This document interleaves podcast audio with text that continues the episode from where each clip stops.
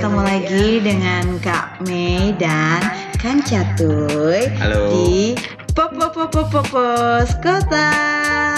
Oke, jadi ini adalah launching pertama uh, siaran pos kota. Akhirnya setelah berapa tahun? Setahun ya. Wacana selama tiga bulan terakhir.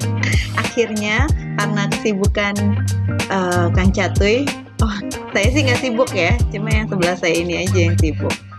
Jadi kita hari ini akan uh, launching podcast kita yang terbaru. Ini adalah Pos Kota namanya. Mungkin agak terdengar familiar karena Pos Kota ini kayaknya ada sebuah media dulu namanya Pos Kota. Ya kira-kira kita mau legend itu lah ya. Kira-kira. Kalau tahu pos kota berarti udah tahu lah kelahiran tahun berapa gitu ya. Oh, iya. Udah tua ya. ya segala macam. Saya nggak tahu kebenaran kak, karena Oh. saya milenial. Saya umurnya masih 18 tahun. Jalan. Jalan-jalan. Oke, jadi uh, pos kota ini sebenarnya sama dengan podcast-podcast mengenai perkotaan lainnya, tapi ada yang beda. Nah, apa yang beda itu nanti kita ceritain. Nah, kita perkenalan dulu nih Kang Catuy, karena kalau tidak kenal maka tidak sayang. Aku kan mau disayang semua orang. Jadi kita harus kenalan dulu. Oke, mulai dari Kang Catuy dulu deh ya. Nanti aku nyontek. Eh, lu s- kalau perkenalan gak usah mendayu-dayu gitu. Oh, iya dong, bingung harus. ini podcast perkotaan atau Podcast ibu-ibu. ibu-ibu. Oke, eh, selamat siang, pagi, dan sore, malam mungkin kalau yang dengerin. Nama saya Catur, biasa dipanggil Catuy karena saya nggak bisa ngomong huruf R. Jadi catur ya, cuma di uh, belakangnya jadi catuy kan dia nggak bisa ngomong R. Ya, terima kasih penjelasannya. Bu. Takut ada yang nggak jelas ya kan? Baik. Saya perencana wilayah dan kota, sehari-hari bekerja di Kementerian Pekerjaan Umum. Oh ASN guys. Saat ini, saat ini eh, anggota IAP Ikatan Ahli Perencanaan eh, punya Instagram tutur catur, eh, At tutur catur ya. ya, Biar jelas. blog blogspot juga dan lain sebagainya. Eh, S1 dari ITB, planologi, dan S2 dari Kajian Pengembangan Perkotaan Universitas Indonesia. Negeri coy. Ya mampunya cuma itu aja sih soalnya sih. Karena kalau swasta nggak mampu ya. Mahal cuy. Oke baiklah. Silakan Mbak Mei. Kalau Oke, Mei. kalau Mbak Mei, kok jangan Mbak Mei, Oh, Kak Mei dong. Kalau Mbak ntar kesannya Mbak Mbak lagi. Kita kan bukan Mbak Mbak. Oke, oke. Perkenalkan nama saya Mei Riana Kesuma. Instagram @meiriana, e-nya pakai tiga. Agak alay tapi nggak apa-apa. Eh, backgroundnya sehari-hari, aduh, ngerinya pada kaget nih kalau gue bilang gue seorang akademisi. Masa sih gitu? kelihatan sebetulnya. Ah, tapi sebenarnya kalau dari suara emang agak mendayu-dayu, tapi sebenarnya kalau dilihat dari face to face itu kelihatan kewibawaannya sih udah kelihatan sih. Bukan galak. Ah, iya agak sedikit galak menuju ke judes sih. ya udahlah ya. Iya, sehari-hari saya ke- eh, bekerja di akademisi, menjadi akademisi di salah satu universitas swasta terkemuka nomor berapa ya? Eh, ya nomor ya masih ada di top 5 lah ya di Jakarta. Perlu disebutin nggak nih? Perlu. Soalnya kita lagi mengudara di Kita kan lagi minjem fasilitas ya. Iya betul. Jadi Jadi kita, kita sebutin aja ya. Bekerja di Universitas Tarumanegara sebagai uh, staf pengajar di PWK Untar. S1 PWK Untar Perencanaan Wilayah Kota yang berkonsentrasi di real estate. Jadi kita ini juga lagi mengudara, mengudara di uh, Universitas Tarumanegara di kampus utama lantai 15. Jadi pemandangan kita di sini adalah uh, city view ya, city view Jakarta Utara. Kita bisa melihat Pulau Seribu tuh sebenarnya di sana. Gelap cuy. Oh gelap ya karena lagi hujan sudah lah ya. Iya, saya juga sama sama Kang Catuy tergabung di bergabung di Ikatan Ahli Perencanaan, seorang perencana juga sehari-hari uh, selain menjadi akademisi juga menjadi uh, konsultan perencana, konsultan uh, properti. Ya apa aja lah pokoknya ibu rumah tangga juga. Ya ketahuan deh. Tapi harus mengaku ya punya anak satu. Ya udahlah ya. Tapi kalau dilihat dari aslinya face to face itu masih kelihatan ya seperti gadis lah ya. Gadis. gadis remaja. Ya begitulah. Jadi Bukan yang punya intinya anak gadis. Nggak belum belum gadis sih. Anak saya masih bayi. Eh, jadi sebenarnya kita eh, sama nih backgroundnya ya Kang Cato ya. Sama-sama perencana terus sama-sama di ikatan ahli perencana eh, sama-sama punya passion juga di bidang perencanaan khususnya di perkotaan. Jadi sebenarnya kita nanti nggak akan bahas tentang perencanaan banget gitu ya tapi nanti kita bahasnya bahas apa sih? Ya udah nanti dijelasin di segmen kedua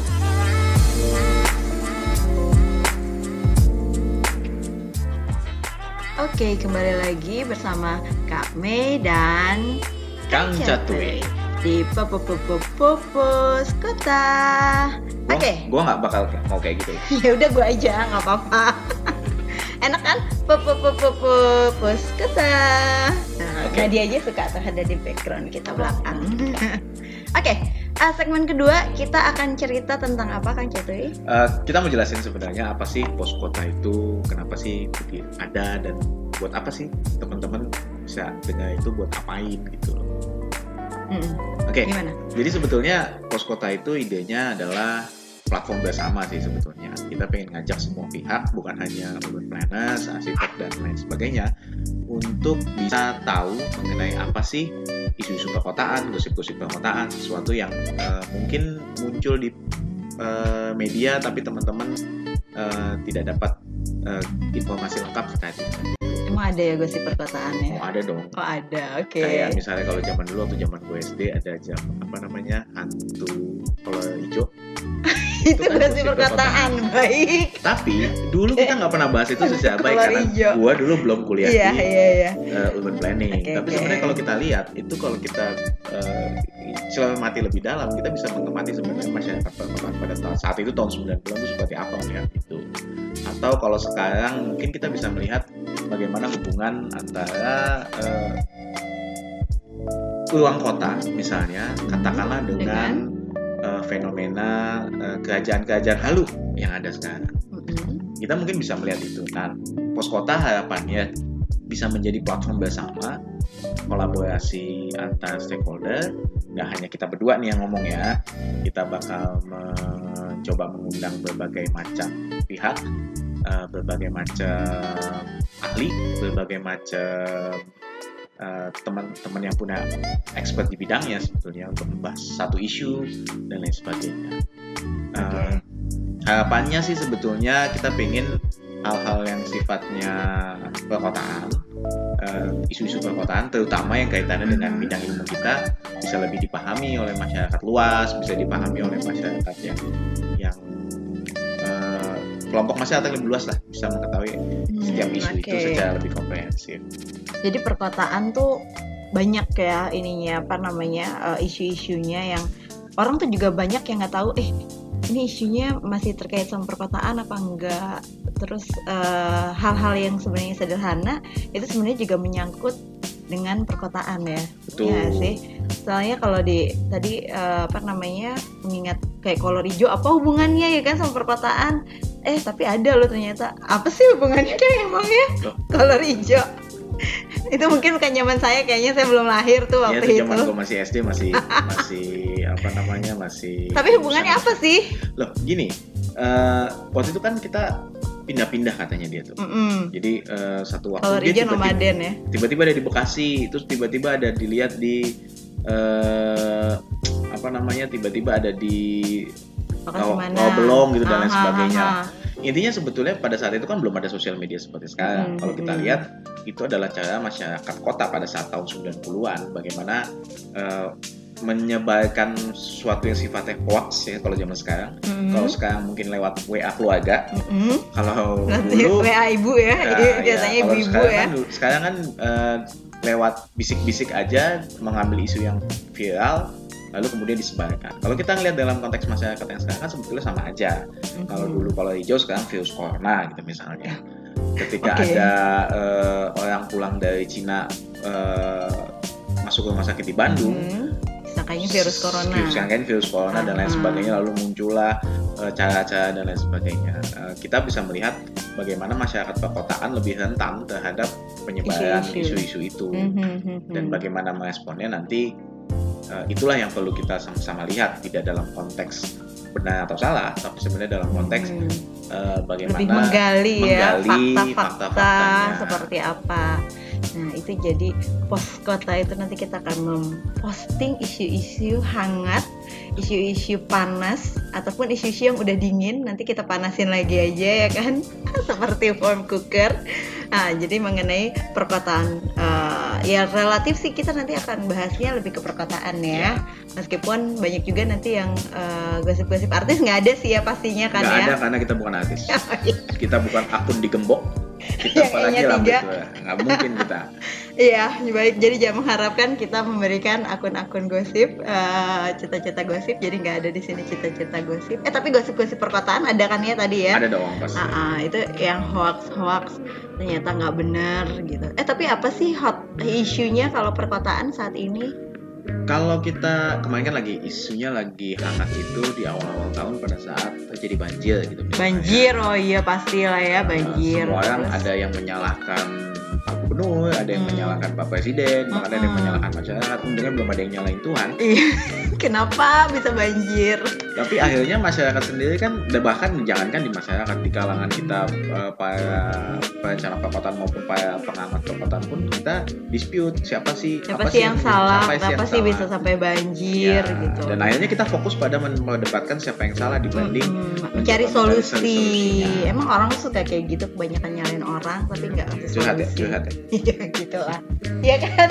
Nadia, ini ada di belakang kita. Nggak kedengeran suaranya. Kalau isu yang lain gimana? Kalau Kalau isu yang lain banyak juga ya isunya. Eh, yang lagi hot-hot eh tapi nggak tahu ya udah hot. Eh masih hot atau udah nggak hot lagi? Itu tentang perpindahan ibu kota negara. Ya kan? Tapi please kita jangan ngomongin itu. Tapi itu salah satu aja sih yang hot.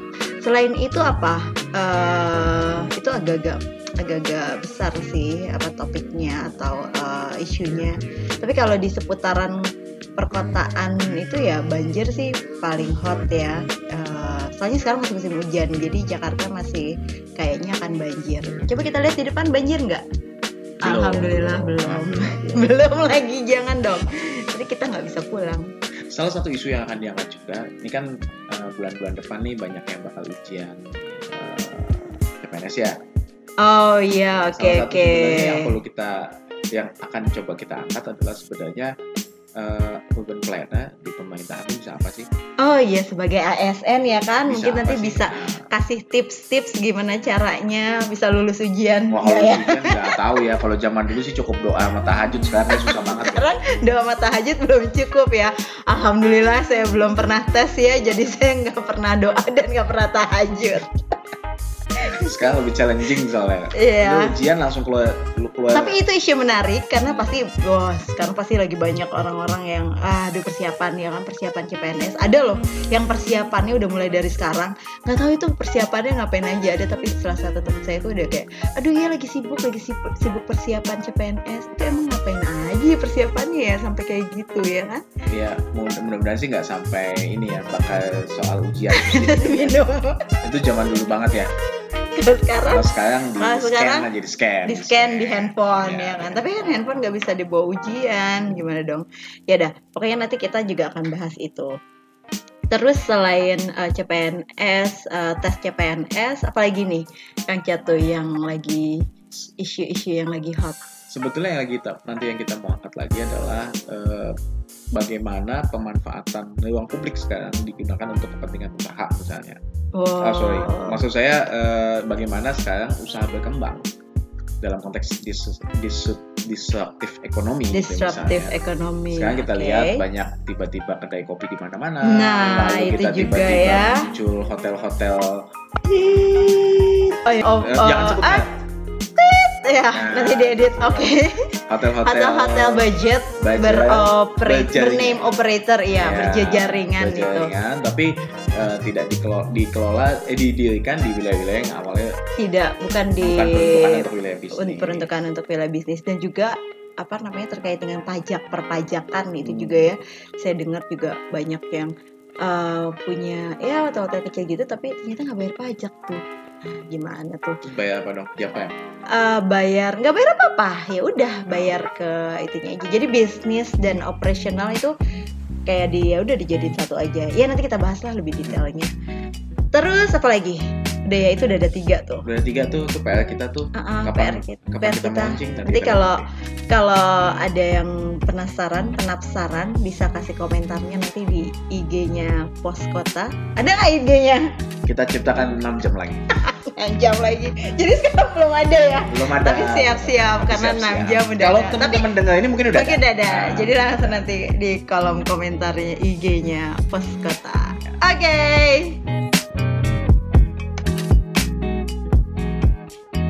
Back guys di Popo Popo Pos Kota bersama Kak Mei dan Kang Catuy. Gue tetap nggak mau pakai itu ya. ya udah kan gue aja yang pakai itu ya kan bagian Popo Popo Pos Oke, intinya sih sebetulnya eh, saya nih sama Mei eh, ingin mencoba menghadirkan forum diskusi, platform diskusi lah bersama bareng teman-teman.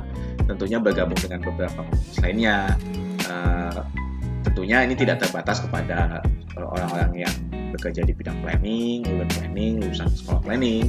Tapi eh, isunya banyak di situ karena memang kita background di situ. Tapi kita tentunya ingin mengajak semua pihak untuk eh, bareng-bareng lah ya Betul. eh, berdiskusi di pos Dan juga ini. bukan ikut-ikutan ya podcast tapi emang biar keren aja sih. Ya, karena kita cita-cita sebenarnya jadi penyiar, Penyiar radio, penyiar tapi TV. tapi tidak karena saya cadel dan kurang ganteng, jadi nggak bisa jadi penyiar radio maupun penyiar TV. Kalau saya karena saya udah sibuk sama yang lainnya jadi ya udah nggak sempet ya terima-terima tawaran itu jadi ya udahlah ya. Gua, kenapa gue jadi harus eh, apa eh, merendah terus nih tuh? Iya. Gua, Ya lu bagian merendahnya, gue bagian meningginya Kang. Oke oke siap. Biar siap, siap. cocok kita. Pengennya sih ini disambut sama teman-teman. Nanti kita juga rencananya ya, Mei, rencana biasa lah urban planning. Iya, biasanya cuma bisa merencanakan. kita pengen dalam platform-platform lain kita pengen bikin talks kita pengen bikin YouTube channel bang udah punya duit buat beli video kameranya Kameranya oh susah ya. lebih mahal lebih murah dibikin bikin podcast kan Jadi ya udah podcast dulu aja ya. pengennya ini kita bisa eh, semua pihak bisa ikut berkontribusi Dan juga biar viral gitu ya. ya kayak terus apa tuh kita Eh, enggak, bu- ini bukan masalah duit Oh, iya, nggak sih. masalah duit ini ya. bukan masalah duit. Ini masalah kebahagiaan, kesenangan dan memberikan motivasi dan informasi untuk semua orang. Tepuk tangan dong yang belakang. Kasih. kita nggak penting terkenal yang penting kita proyeknya banyak ya itu. Coba kalau proyek banyak saya udah agak kelangkah nih sama teman saya di belakang ya. Jadi Oh. udah saya cuma bisa terima telepon aja. oke wanita panggilan. Oke, segmen ketiga. Eh, tadi sebenarnya isu perkotaan udah ya. Tadi ada banjir, terus nanti kita akan bicarakan mengenai eh, tes CPNS. Terus kalau yang mengenai perkotaannya sendiri, macet itu kan pasti ya. Nanti kita ngomongin macet yang selalu setiap dari zaman eh, dari zaman gubernurnya Ali Sadikin yang belum macet juga udah ada tuh eh, gosip-gosip eh, gosip-gosip isu-isu mengenai kemacetan sampai sekarang 2020 yang udah 4O ini ya masih aja tuh ya macet ada ya kan nah nanti kita akan juga memposting pembahasan mengenai macet. Itu isu yang nggak pernah nggak hangat karena selalu hangat. Karena setiap hari kan kita selalu uh, di apa dipertontonkan dengan kemacetan. Kemacetan nggak kang? Kalau gua merasa ya sekarang ya eh, udah nggak terlalu macet? sekarang it's getting better and better. Cuman Hmm. memang masih ada PR-nya. Tapi saya rasa sekarang sih sebagai pengguna transportasi publik, Mhm. eh, sekarang akan sekarang jauh lebih mudah menggunakan transportasi publik di Jakarta dibanding katakanlah eh, 19 tahun yang lalu. Mhm. Dulu. tapi 19 tahun yang lalu gue ngerasain nggak macet tuh tapi sekarang macet gimana dong Ya itu hanya pada titik-titik tertentu, pada jam-jam tertentu. Makanya pakai Oke. transport publik dong. ah Eh, nah, Baik. Tapi sebetulnya kalau Tapi ngomong public transport itu juga jadi seru juga ya public transport. Kan masih banyak nih padahal public transport udah banyak udah banyak pilihannya udah enak juga udah nyaman juga. Tapi masih aja ada orang yang nggak mau atau males naik public transport. Ya. nah. Kalau maaf itu apa ya Ya itulah biasa ada orang yang nggak tahu bahwa kita lagi rekaman. Ember. Ini susah nih edit. ketemunya udah tiga bulan. Nanti kita edit. Tepuk tangan dulu semuanya. Oke, jadi kalau ngomongin public transport sebenarnya kan ada supply ada demand. Eh, dengan model pembiayaan public transport sekarang sebetulnya sudah lebih nyaman buat eh, segala kelompok untuk bisa menggunakan public transport. Betul. Persoalannya kemudian adalah meningkatkan aksesibilitas dari tempat Betul. public transport kepada tempat-tempat publik. tujuan ya. Problemnya, Mhm. problemnya salah satu problemnya di kota Jakarta ataupun di Indonesia pada umumnya semua kan pengen berhenti di depan rumahnya. Nah, kalau bisa sampai ru- depan rumah gitu ya, habis Iya. naik eh, apa busway, kalau bisa tuh busway berhenti depan rumah ya. Iya. Jadi langsung duduk, langsung masuk ke rumah. Tapi sayangnya, Tapi kan semua itu perubahan behavior ya. Kayak kayak mungkin lima tahun yang lalu nggak beli imani itu merupakan sesuatu hal yang sulit. Sekarang betul semua orang udah punya imani, malah kewajiban ya, kayak harus Iya. wajib punya dan harus terisi karena semua apa-apa perlu pakai itu. Jadi semua Oke. harus bekerja sama, bergerak bersama dan lain sebagainya untuk menciptakan. Kerja, kerja, kerja. Oh, Kerja. Itu tagline kampanye Tagline kita nggak boleh pakai di sini. Oke, baiklah. Selain itu ada juga tadi ada eh, pembahasan mengenai apa eh, ruang usaha di mana di tempat-tempat yang harusnya tidak ada, eh, harusnya tidak diperuntukkan untuk itu. Terus ada juga public space ya kan. Ini juga di perkotaan kan sangat perkotaan sekali ya public space ini juga nanti kita akan bahas tentang apanya nih public space Kang enaknya. Kalau kita sih akan bicara lebih banyak mengenai pasti jumlah. Pasti pesan bicara Hmm. jumlah. Apakah sudah memadai atau tidak. Lalu kemudian Hmm, pemanfaatannya. pemanfaatannya, Oke. lalu kemudian jenisnya, dan sebenarnya dampak public space terhadap perkotaan itu apa? Mhm. Orang selalu bicara public space hanya dalam konteks ruang terbuka hijau, Hmm, daerah, padahal- daerah resapan, padahal itu adalah pusat eh, ke- pusat Interaksi interaksi, ya. pusat Mm-mm. aktivitas, eh, pusat eh, ide dan lain sebagainya. Mhm. Kota-kota besar yang inovatif biasanya selalu Punya diikuti public dengan space yang bagus eh, ya. Public space yang bagus. Apalagi masyarakat Indonesia kan masyarakat yang guyup ya. Kita mah sebenarnya nggak usah dikasih yang taman gede-gede banget ya. Hmm, Yang penting enak, bisa buat pacaran gitu ya. Bisa Di samping kali, samping kali. kalau banjir nggak bisa dipakai lagi dong. Iya, karena eh, isunya kan sebenarnya bagaimana kita bisa lebih mensehatkan masyarakat Hmm. anak-anak kita. Salah satunya dengan public Gitu, space dengan gitu public ya. space tempat orang berkumpul. Coba kalau di Indonesia jalanan ditutup aja bisa tiba-tiba jadi public space. Ember benar. Car Free Day kalau yang Langsung ya, hebring jadi public pasar space, malam, pasar malam. kalau dalam konteks informal. Setuju. Jadi kebutuhan itu ada ya. Seharusnya Hmm. sekarang kita bikin kita sama-sama berpikir seperti apa sih public space yang kita butuhkan, desainnya Hmm. dan lain sebagainya. dan yang Pak, gua- cocok ya. Yang paling gue benci itu kalau nggak tahu teman-teman setuju atau enggak, eh, kita cenderung suka mengcopy paste. Oh iya, dari Kepala- mana gitu ya? daerah Karena males dari dari Singapura, dari luar negeri dari ya kan. Dia pengen bikin hal yang sama. Idenya Jadi sih oke. ada kreativitasnya Ya, tuh agak muntul ya, agak Betul. Tumpul. Muntul sih tumpul Atau- maksudnya. Eh, misalnya di Bandung bikin taman dengan tulisan lama, tiba-tiba Ada lagi yang semua dengan bikin ya bikin yang sama. Iya. Harusnya punya ide atau kreativitas yang lainnya. Itu banyak yang akan kita bahas ke depannya. Satu lagi sebenarnya yang paling penting juga di perkotaan akan kita bahas itu mengenai housing atau hunian ya kan. Ini semua milenial kan pasti yang masih masih pada muda lagi pada deg-degan ya kan. Nyari pasangan yang udah punya rumah, aduh jangan harap deh itu kayaknya nggak ada ya. Cari mertua yang bisa Cari mertua yang bisa bayarin kontrakan atau cari Susah, mertua apa? Ya itu dia, karena itu sebenarnya aduh housing supply gimana ya, di gimana caranya bisa punya rumah di kota Jakarta. Aduh itu masih mimpi atau enggak ya kan? Nanti itu juga kita bahas detail sedetail detailnya. Oke. Jadi gitu ya Kang ya. Jadi pos kata ini akan mengudara setiap saat. Setiap kita ini setiap, Setiap kita eh, ada waktu setiap kita untuk- enggak lah mengudara. kita akan konsisten lah Om Oh konsisten dong harus biar viral, wajib biar viral. ya. kita akan konsisten eh, nanti mungkin eh, entah kita berdua lalu kita menghadirkan tamu atau Atau saya sendiri atau saya ya sendiri dengan kan. tamu saya sendiri juga dengan tamu Atau tamunya aja. atau tamunya aja bisa aja tamunya suruh ngomong kita upload lumayan kan konten gratis Iya.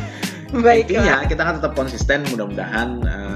Untuk memberikan informasi-informasi, uh, diskusi-diskusi dan lain sebagainya. Hmm. Pokoknya kita uh, mengharapkan semua orang bisa dengar dong, subscribe, Pasti dong. subscribe, jangan Subscribe ya, jangan lupa komen juga di IG kita. Pos kota nanti 6 jam lagi ya akan ada lupa. Kan, enam jam sekarang lagi nanti ya. udah ada. Oh iya, pas nanti. ada. Kalian dengar udah ada sih ini. Uh, buat mahasiswa-mahasiswaku juga ya, tolong didengerin ini mungkin nanti masuk uh, ada di ujian UTS atau UAS. Mungkin. Mungkin Bisa- mungkin. bisa jadi, ini juga aktif uh, mengajar di S1 PWK Untar, Berpartisipasi. aja sih dia ya kan. Coba lumayan banyak kelasnya. Ya, jadi Jangan itu aja. Nanti kita akan lanjut lagi di episode kedua dengan tema yang menarik dan pastinya tetap uh, stay tune di Popo Popo Pos Kota. Lu dong, lu dong. Gua gak mau. Gua tetap gak mau. Aduh, yaudah deh. Dah. Bye.